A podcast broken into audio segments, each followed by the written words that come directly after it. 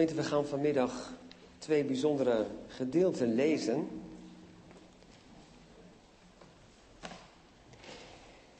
Die alles te maken hebben met de maaltijd, de bijzondere maaltijd die Christus geeft. En de storm daarna. In Marcus 6 lezen we over de bijzondere spijziging van de 5000, waarna de discipelen in de storm komen. En Jezus spreekt daar later over in Johannes 16, waarvan wij lezen de versen 5 tot 15 en 29 tot 33. Laten we allereerst lezen Johannes 16, waar de Heer Jezus Christus aankondigt dat hij naar zijn hemelse Vader zal gaan en de discipelen achter zal laten in de wereld, maar niet zonder de Heilige Geest. We, laten, we lezen Johannes 16, de versen 5 tot en met 15 en 29 tot 33. Daar zegt Jezus het volgende. En nu ga ik heen naar Hem die mij gezonden heeft. Maar niemand van u vraagt mij, waar gaat u heen? Maar omdat ik deze dingen tot u gesproken heb, heeft de droefheid uw hart vervuld. Maar ik zeg u de waarheid. Het is nuttig voor u dat ik wegga. Want als ik niet wegga, zal de trooster niet naar u toekomen. Maar als ik heen ga, zal ik hem naar u toezenden. En als die gekomen is, zal hij de wereld overtuigen van zonde, van gerechtigheid en van oordeel. Van zonde allereerst, omdat zij niet in mij geloven. Van gerechtigheid, omdat ik heen ga naar mijn vader en u mij niet meer zult zien. Ten slotte van oordeel, omdat de vorst van de wereld veroordeeld is. En dan lezen we door. Nog veel heb ik tegen u te zeggen, maar u kunt het nu niet dragen. Maar wanneer die komt, de geest van de waarheid, zal hij u de weg wijzen in heel de waarheid. Want hij zal niet uit, vanuit zichzelf spreken, maar wat hij van mij gehoord zal hebben, zal hij spreken. En de toekomstige dingen zal hij u verkondigen. Die zal mij verheerlijken, want hij zal het uit het mijne nemen en het u verkondigen. Alles wat de Vader heeft, is het mijne. Daarom heb ik gezegd dat hij het uit het mijne zal nemen en het aan u zal verkondigen. Dan lezen we verder bij vers 29. Zijn discipelen zeiden tegen Jezus, zie, nu spreekt u openlijk en gebruikt u geen beeldspraak. Nu weten wij dat u alles weet en dat het voor u niet nodig is dat iemand u vragen stelt. Hierom geloven wij dat u van God bent uitgegaan. Jezus antwoordde gelooft u nu? Zie, de tijd komt en is nu gekomen dat u uiteengedreven zult worden, ieder naar het zijne, en u mij alleen zult laten. En toch ben ik niet alleen, omdat de Vader bij mij is. Deze dingen heb ik tot u gesproken, opdat u in mij vrede zult hebben. In de wereld zult u verdrukking hebben, maar heb goede moed. Ik heb de wereld overwonnen. Dat is van groot belang dat Jezus Christus tenslotte zegt dat wij in Hem vrede zullen hebben.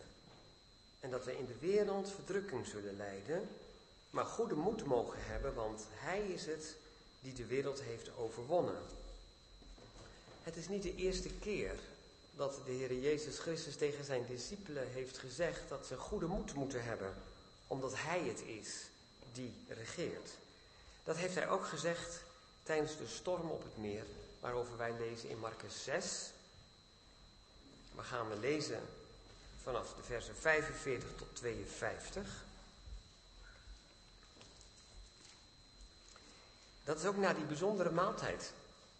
We hebben vanmiddag en vanmorgen een bijzondere maaltijd mogen gebruiken, gevoed door Jezus Christus. En toch wil dat niet zeggen dat je daarna niet in de storm terecht kunt komen of dat je niet in de storm kunt zijn. We gaan lezen uit Marcus 6, vers 45 tot en met 52. Ze hadden allemaal gegeten en de broden werden, wat over is, werd verzameld. En meteen dwong Jezus zijn discipelen in het schip te gaan en vooruit te varen naar de overkant, naar Bethsaida, terwijl hij zelf de menigte weg zou sturen. En toen hij afscheid van hen genomen had, ging hij naar de berg om te bidden. En toen het avond was geworden, was het schip midden op de zee en hij zelf was alleen op het land. En hij zag dat zij veel moeite moesten doen om het schip vooruit te krijgen. Want ze hadden de wind tegen. Maar omstreeks de vierde nachtwaken kwam hij, lopend, op de zee, naar hen toe en wilde hen voorbij gaan. Want toen zij hem zagen lopen op de zee, dachten zij dat het een spook was en schreeuwden luid. Want alle zagen hem en raakten in verwarring. En meteen sprak hij met hen en zei tegen hen: Heb goede moed. Ik ben het. Wees niet bevreesd. En hij klom bij hen in het schip en de wind ging liggen. En ze waren innerlijk volkomen buiten zichzelf en zij verwonderden zich, want staat er, zij hadden bij het wonder van de broden niets begrepen, omdat hun hart verhard was. Tot zover de schriftlezing uit Marcus 6. Gemeente van onze Heer Jezus Christus, broers en zusters, jongens en meisjes. Het moet voor de discipelen een moeilijke boodschap zijn geweest wat hij in Johannes 16 aan hen vertelt. Wij zijn eraan gewoon geraakt dat wij de Heer Jezus Christus niet kunnen zien en dat wij weten dat Hij bij God in de hemel is om zijn koninkrijk in volheid straks op aarde te brengen. Maar voor de discipelen moet het ongetwijfeld een schok zijn geweest. Wat? U weg Moeten we zonder u de wereld door? Terwijl u ook tegen ons zegt dat het niet gemakkelijk voor ons zal zijn. Dat we verdrukking zullen lijden. Dat we uiteengedreven zullen worden. Dat er zo'n soort storm op kan steken dat we het niet gemakkelijk hebben. En dan kunt u wel zeggen, houd goede moed. Houd vast wat je hebt. Je kunt in mij vrede hebben. Maar ja, als u er dan niet bent, hoe zit dat dan? U kunt wel zeggen dat er andere hulp, andere bijstand komt. Maar ja, we weten wat we aan u hebben en wat die ander zal zijn. Dat weten we natuurlijk niet.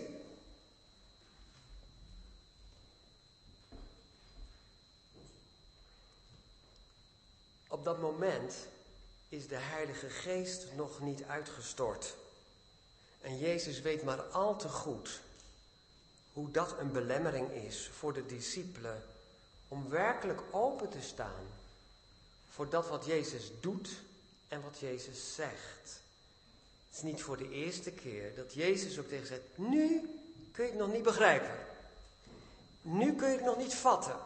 Nu kun je het nog niet plaatsen. Maar als de Heilige Geest komt, die zal jullie in heel de waarheid leiden. Die zal ook je te binnen brengen, wat ik heb gezegd. Die zal dan ook je ogen openen voor dat wat ik heb gedaan. Dan zul je het wel kunnen plaatsen. Dan kun je het wel begrijpen. En dan zul je ook zien dat er alle reden is om ook in moeilijke tijden vast te houden aan mij. Dan zul je het ook ervaren dat je in mij vrede zult hebben.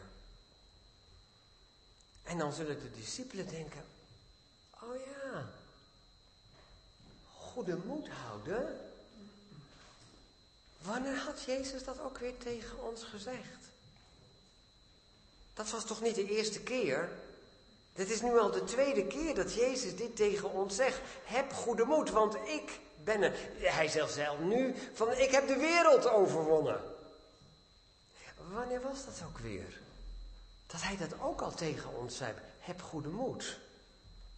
Oh ja, dat was toen toch in die storm. Toen het zo ontzettend tegen zat. Toen we die hele nacht aan het ploeteren waren, maar we hadden tegenwind. Toen kwam hij en zei: Heb goede moed, ik ben het. Ook al dachten we dat het helemaal misging en dat we een spookverschijning zagen. Laten we even teruggaan dan naar die Marcus 6, toen Jezus dat voor het eerst tegen zijn discipelen zei. Het eerste wat dan opvalt, en wat we waarschijnlijk niet prettig vinden, is dat Jezus zijn discipelen in de storm brengt. Niet omdat de discipelen ongehoorzaam zijn, maar omdat de discipelen precies doen wat Jezus hen opdraagt. Kan dat? We zijn geneigd om te denken dat we eigenlijk alleen maar in de storm terecht kunnen komen als we ongehoorzaam zijn aan Jezus. Denk maar bijvoorbeeld aan uh, Jona, de profeet. Die kreeg de opdracht om naar Nineveh te gaan. En daar de mensen toe te spreken. Nou, daar had Jona helemaal geen zin in. Dankjewel voor de eer. Daar gaan we niet aan beginnen. Ik kies een eigen weg. Ik ga een andere weg. En juist dan, als hij die eigen weg gaat, komt hij in de storm. Nou, dat is onze logica. Dus telkens weer als er een tegenslag komt, dan zeg je, oh ja, wat is ook weer de oorzaak? Oh, dat zal wel niet deugen. Er zal wel ergens iets fout zijn gegaan. Je hebt zeker een zonde begaan.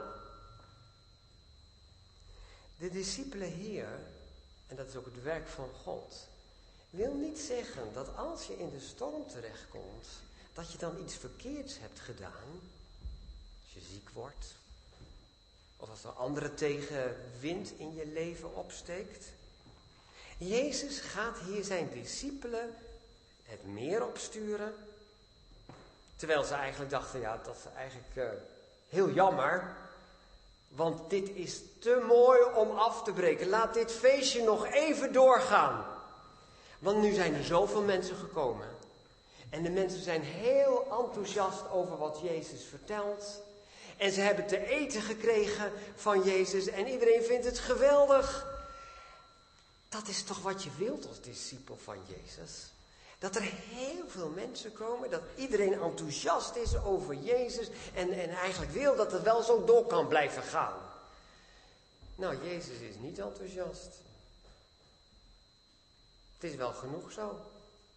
Het wordt tijd om de mensen nu naar huis te sturen. En ik stuur jullie het meer op. Jullie gaan naar de overkant van het meer varen. De mensen stuur ik naar huis. En ik heb een andere taak. Ik heb een taak om naar boven op de berg te gaan. En stilte te zoeken. Om met mijn vader te spreken en te bidden. Waarom een einde aan dit mooie gebeuren? De mensen hebben immers toch al gegeten en dan kunnen ze nog een tijdje blijven. Nee, zegt Jezus. De mensen zijn wel enthousiast, maar niet omdat ze het hebben begrepen. Natuurlijk zijn mensen enthousiast als je in oorlogstijd en bezettingstijd gratis eten kunt krijgen. Als de prijzen sky high gaan.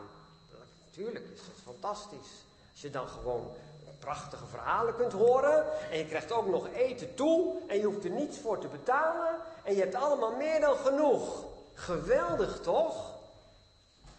Ja, maar daar gaat het dus niet om. Het gaat om het koninkrijk van de hemelen, die Jezus Christus in eigen persoon kon brengen. Het gaat om de vrede in Hem. Het gaat niet om het brood. Het gaat om Jezus, het hemelse brood. En deze mensen hebben daar geen oog voor.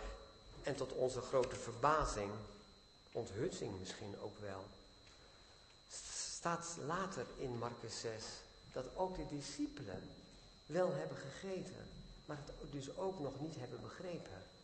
Dat hij dat niet gepaard ging met inzicht dat Jezus Christus dus inderdaad de Zoon van God is, die dus over alles gaat en daarom ook het leven kan geven door zijn brood. En de bedoeling is dat als wij avondmaal vieren, dat wij door de Heilige Geest juist dat wel begrijpen. Dat ons hart daar wel voor open is. En dat we ook gaan verstaan wat we dan aan Hem hebben als we met Hem de wereld doorgaan. Als Hij ons de wereld instuurt de komende week, de komende tijd, tot aan de voleinding van de tijd. Wat staat jullie te wachten? Nou, niet altijd voorspoed. Niet altijd comfort.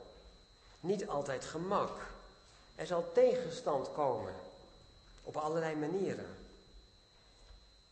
Het begin van die enorme hoos, dat de mensen daar in Jeruzalem tot geloof zijn gekomen als de Heilige Geest wordt uitgestort.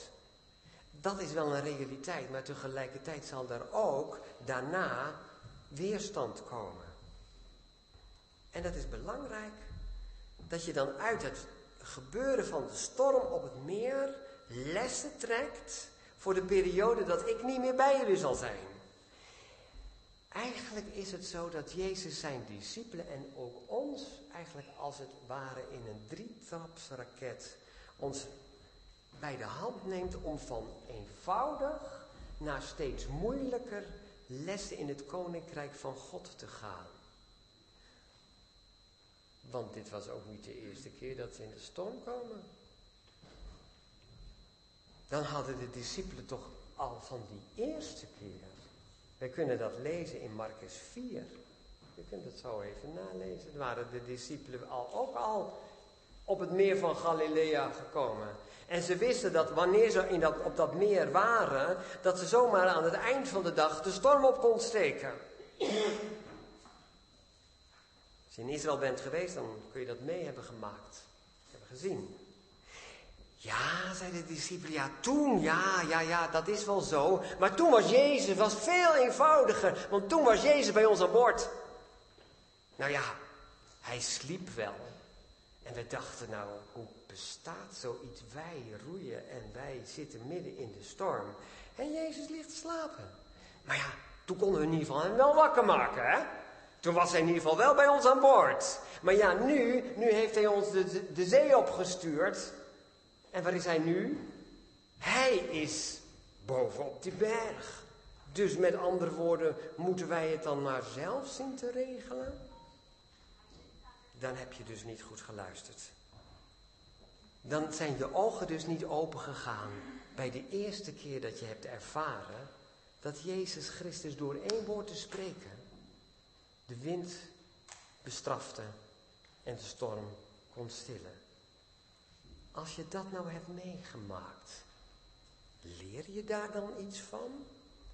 Groeit jouw vertrouwen dan in de Heer Jezus Christus? En dat is voor ons ook belangrijk. Het is niet de eerste keer, denk ik, dat u hoort dat Christus uitkomst geeft. Of dat hij gebeden verhoort. Of dat hij heeft laten weten dat hij dichtbij is. Hebben we daar iets van geleerd? Of blijven we eigenlijk altijd een baby in het geloof? Die zegt, ja, nou eigenlijk weer helemaal van voren af aan moet Jezus het weer helemaal duidelijk maken, maar ik ben het toch ook? En dan? De Heer Jezus Christus is naar boven gegaan op de berg. Waar zal hij nou voor gebeden hebben, denk je dan? Nou, ik denk dat Jezus gebeden heeft voor al die, al die mensen die er niks van hadden begrepen. Maar ik denk dat hij ook in het bijzonder gebeden heeft voor zijn eigen discipelen. Vader, mijn missie in deze wereld, dat ik het koninkrijk van God nabij moet brengen. Zelfs mijn eigen discipelen zien het wel, maar begrijpen het niet. Hoe belangrijk is het dat u mij die taak heeft gegeven om, om te sterven en uw koninkrijk te brengen, zodat de Heilige Geest in hun leven kan komen en hen de ogen kan openen voor de macht en de majesteit van u door mij heen. De kerkvaders, dus al in de eerste eeuwen, hebben deze geschiedenis van Marcus 6 eigenlijk al gezien als een soort voorproefje voor wat er zou komen als Jezus Christus niet naar, boven naar de berg zou gaan, daar bij het meer van Galilea. Maar als hij naar zijn terug zou gaan naar zijn vader in de hemel, als hij naar boven zou gaan naar zijn vader en ons als discipelen achter zou laten in de wereld, maar tegelijkertijd ook de zee op zou sturen in de wereld in om zijn volmaakte koninkrijk te verwachten.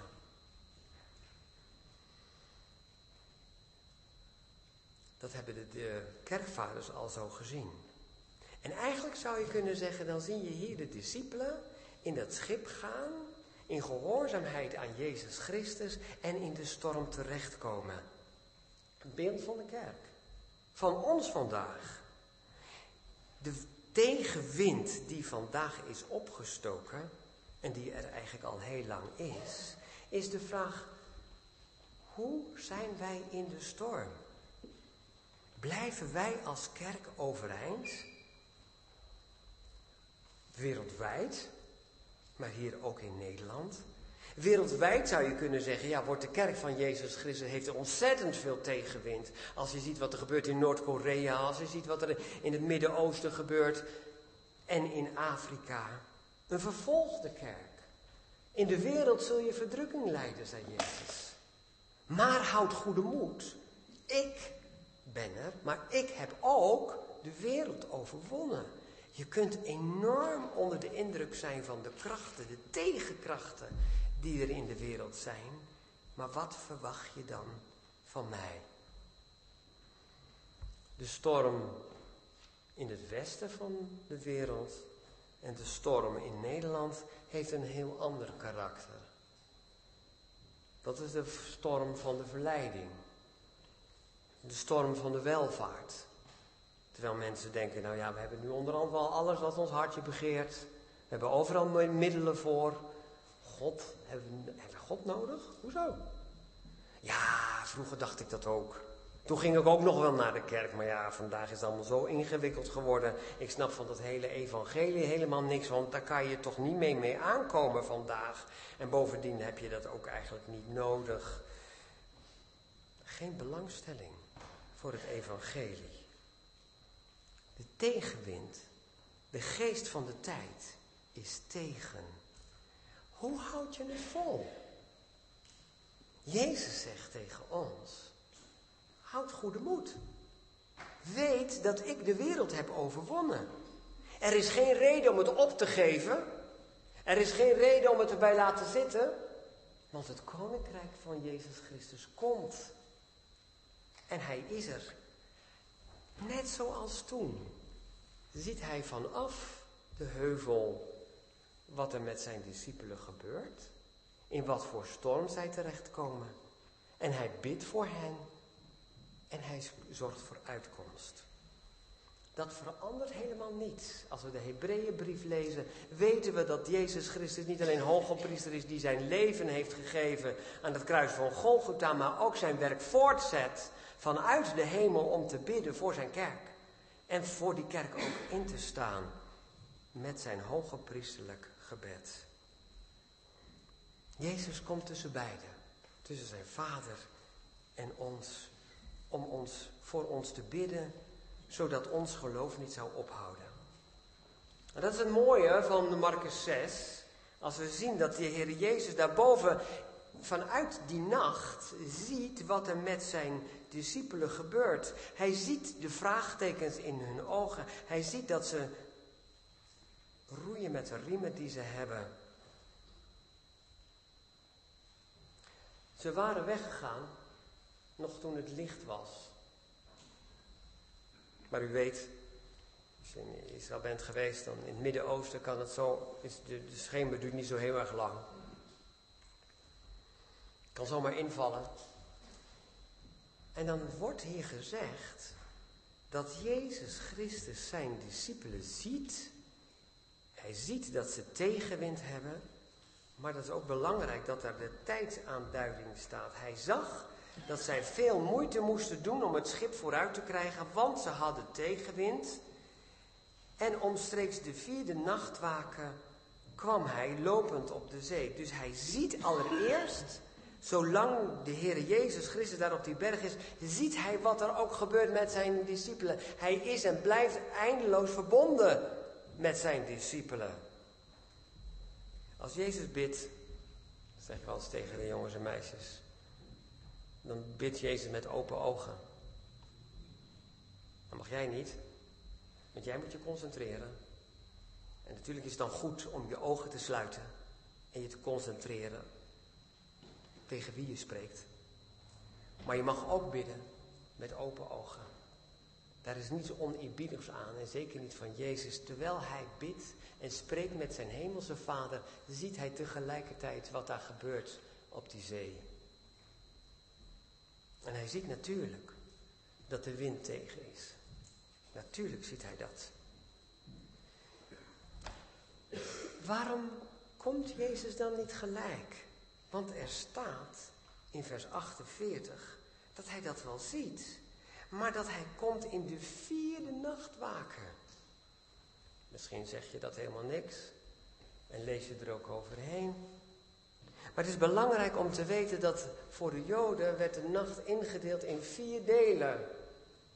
Zodra het donker werd, om zes uur tot negen uur, dat was de eerste nachtwaken. De tweede nachtwaken was van negen tot middernacht. En de derde nachtwaken was van middernacht tot drie uur. En de vierde nachtwaken was van, van drie uur tot zes uur. En dat kon ook nog wel eens de meest donkere nacht zijn. Het donkerste gedeelte van de nacht. Vlak voor de morgen stond. Juist in dat donkerste uur komt Jezus.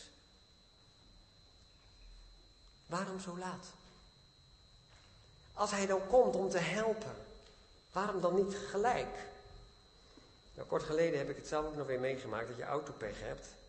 En dan bel je natuurlijk de, de AWB. En dan vind je het heel fijn om te horen, het duurt niet zo lang hoor. Kom eraan.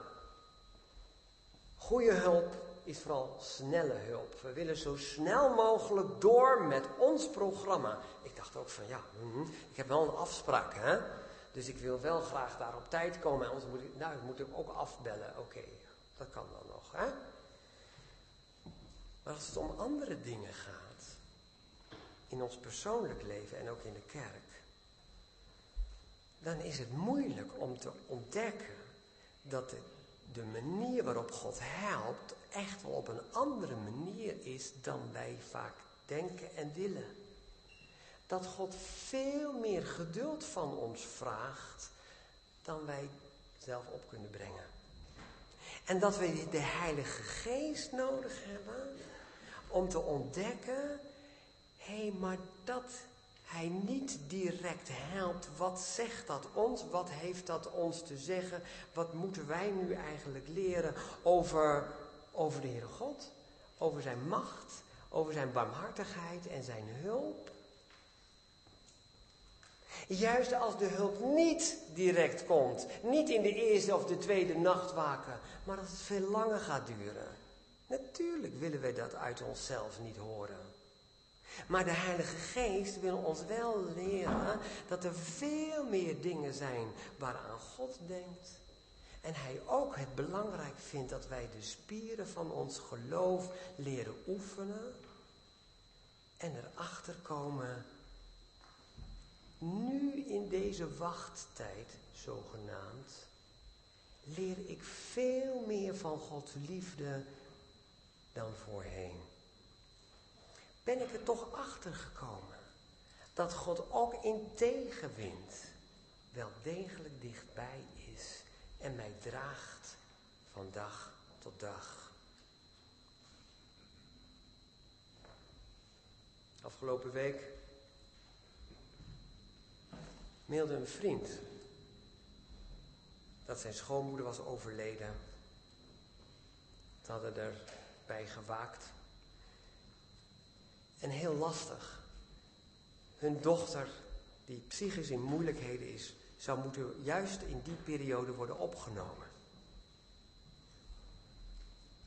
Hoe kan de stormen opsteken? Tegelijkertijd, het een en het ander. En als je een jong gezin hebt en je hebt een ziek kind en je denkt, nou, hij wordt gelukkig behandeld. En je denkt, nou, daar hebben we het gehad. En dan, hup, dan komt er weer een andere golf. Er komt weer een andere tegenslag. Hoe hou je dat vol? Tegelijkertijd is het dan zo belangrijk dat we weten wat de kracht is van het gebed. Niet alleen het gebed van anderen om ons heen als gemeente, maar dat we ook weten, er is er één die altijd voor mij bidt, omdat hij mij ziet. Omdat ik hem ter harte ga. Omdat hij weet van de storm en mij zal helpen. Op zijn manier en op zijn tijd. Jezus komt. Natuurlijk komt hij. Natuurlijk komt hij. Al is het in de vierde nachtwaken. Maar hij gaat voor uitkomst zorgen. Het is heel belangrijk dat we het weten dat hij zal komen. En de, de vraag is eigenlijk, zullen wij hem herkennen? Herkennen we hem als hij gaat helpen in ons persoonlijk leven? Als hij uitkomst geeft in het grote verband van de kerk? En ook als wij vandaag, eigenlijk zeggen we zijn eigenlijk in een apocalyptische tijd terechtgekomen. Niet alleen als kerk hebben wij het moeilijk. Maar ook als je kijkt naar het geheel van de wereld. Wat is er eigenlijk allemaal mis? Wat is er mis aan onrecht? Ook in ons prachtige vaderland. Maar wat is er ook mis in de hele wereld? Als de crisissen op elkaar stapelen en de problemen wereldwijd zijn. Waarvan we ons dan moeten afvragen, ja maar wie kan hier nog een oplossing voor bedenken? Als we kwade machten zien, is er dan hoop? Of moeten we dan samen met de wereld dan maar zeggen, ja, we weten ook niet waar het eindigt. Zouden de discipelen in die storm nou gedacht hebben aan wat Jezus eerder als uitkomst heeft gegeven in die vorige storm op het meer? Het lijkt erop dat als hij komt, zij hem niet herkennen. Integendeel, ze zijn zo onder de indruk van de storm en alles wat er, wat er om hen heen gebeurt, dat ze eigenlijk niet kunnen zien dat het Jezus is die komt. Totdat. En daar gaat het om. Niet alleen dat Jezus komt, maar dat Jezus gaat spreken. Pas als hij gaat spreken, vallen de schellen van hun ogen af. Het is Jezus die er is. En hij is daar aanwezig met zijn barmhartigheid en met zijn genade. En voor ons is dat als kerk ook ontzettend belangrijk dat als wij zeggen, ja, de, de problemen zijn wereldwijd. We zijn wel met elkaar in die vierde nachtwaken van de wereld gekomen. Het einde is nabij. Dat we de Heer Jezus Christus herkennen vanuit zijn woord. Als hij komt, zullen we hem dan herkennen, want hij is geen geestverschijning. Hij is geen spook. Die net als alle andere machten ons angst inboezemt. Maar hij komt als bruidegom. Daarom hebben we avondmaal gevierd. Dat als, wij, als hij komt, dat we hem zullen herkennen als degene die voor ons instaat die ons helpt, die ons geholpen heeft. En ook het bruiloftsfeest van het lam voor ons zal aanbreken. Hij komt als bruidegom. Hebben we dat verstaan? Hebben we avondmaal gevierd? Omdat we weten, hij is voor mij gestorven.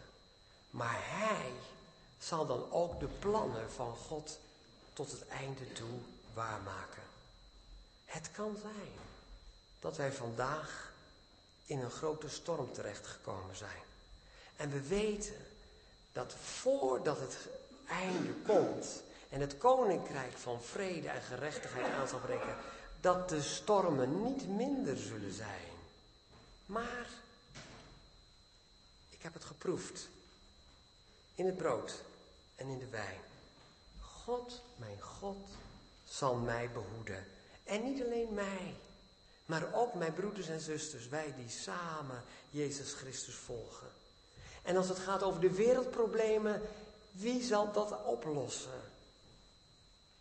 Het is moeilijk te zeggen. We mogen doen en we moeten doen wat onze hand vindt om te doen. En het goede doen in gehoorzaamheid aan Jezus Christus. Maar als Hij komt, misschien duurt het lang, moet ik lang Zijn hulp verbijden. Maar Zijn liefde blijft mij leiden door een nacht, hoe zwart, hoe dicht, voert Hij mij en ons naar het eeuwig licht.